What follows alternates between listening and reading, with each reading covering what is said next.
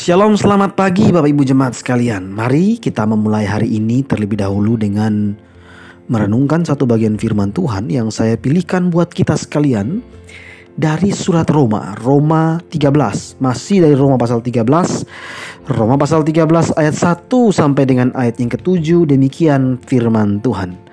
Kepatuhan kepada pemerintah. Tiap-tiap orang harus takluk kepada pemerintah yang di atasnya Sebab tidak ada pemerintah yang tidak berasal dari Allah dan pemerintah-pemerintah yang ada ditetapkan oleh Allah.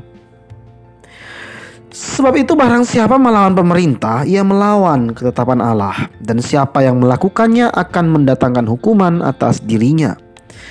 Sebab jika seorang berbuat baik, ia tidak usah takut kepada pemerintah. Hanya jika ia berbuat jahat. Mau kamu hidup tanpa takut terhadap pemerintah? Berbuatlah apa yang baik dan kamu akan beroleh pujian daripadanya.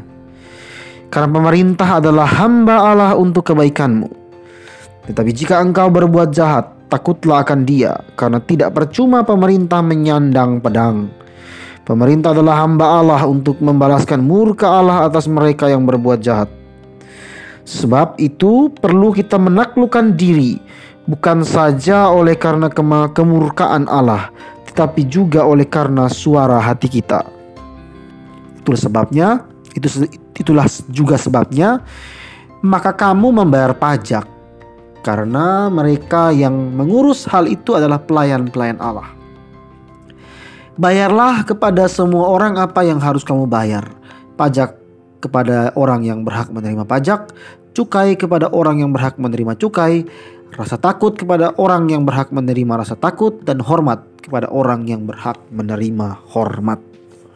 Bapak Ibu jemaat sekalian, pemerintah yang baik tentu disukai rakyat bukan?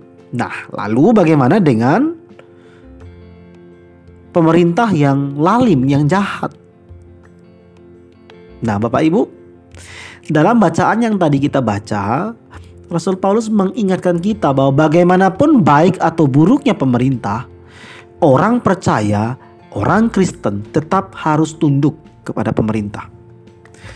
Paulus sendiri menulis surat Roma ini ketika Nero menjadi kaisar Romawi. Ia bersikap sangat kejam terhadap orang Kristen. Nero inilah yang menangkap-nangkapi orang Kristen dan mengadu orang mengadu orang Kristen dengan singa, menjadikan obor, menjadikan tontonan di dalam apa namanya uh, arena pertandingan gladiator. Jadi Nero ini raja psikopat, raja agak gila sedikit, jahatnya minta ampun. Terkhususnya kepada orang Kristen. Namun di tengah-tengah surat di, di tengah-tengah keadaan seperti itulah Paulus menulis surat ini.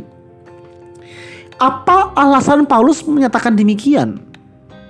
Pertama, karena keberadaan semua pemerintah ada di dalam kedaulatan Allah.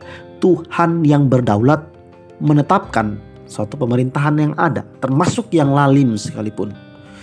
Jika pemerintah itu jahat, maka Allah sendiri yang akan menumbangkannya pada waktunya.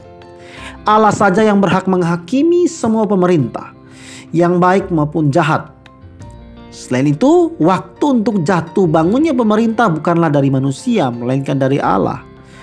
Maka enggan untuk takluk pada pemerintah berarti kita melawan Allah, melawan ketetapan Allah.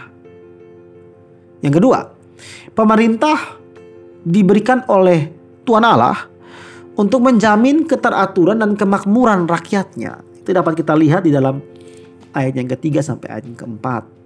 Itu berarti pemerintah menjadi alat alat Allah untuk memastikan keadilan bagi rakyat.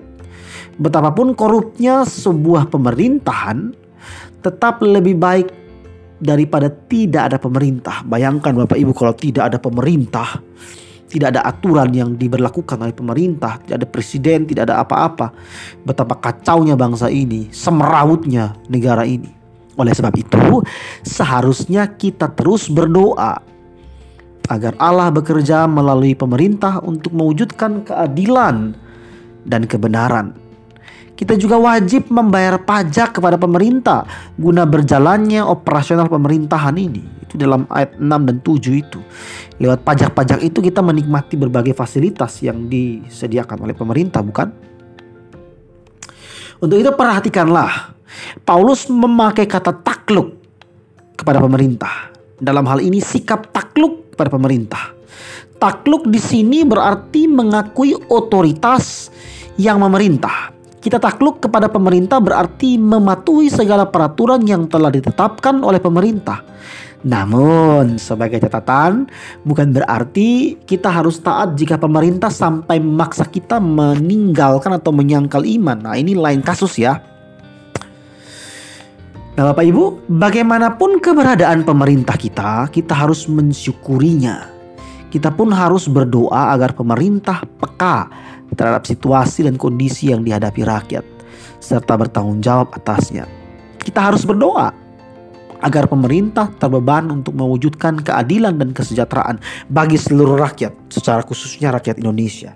Jadi sebagai warga negara yang baik, berdoalah untuk pemerintah kita yang ada. Mungkin itu buruk pemerintahannya, tapi dukunglah sebab setiap pemerintahan berasal dari Allah Pemerintah adalah hamba Allah untuk kebaikan kita, kata firman Tuhan. Mulailah hari ini dengan hidup tunduk dan taat kepada peraturan-peraturan pemerintah. Sebab pemerintah adalah hamba Allah. Amin.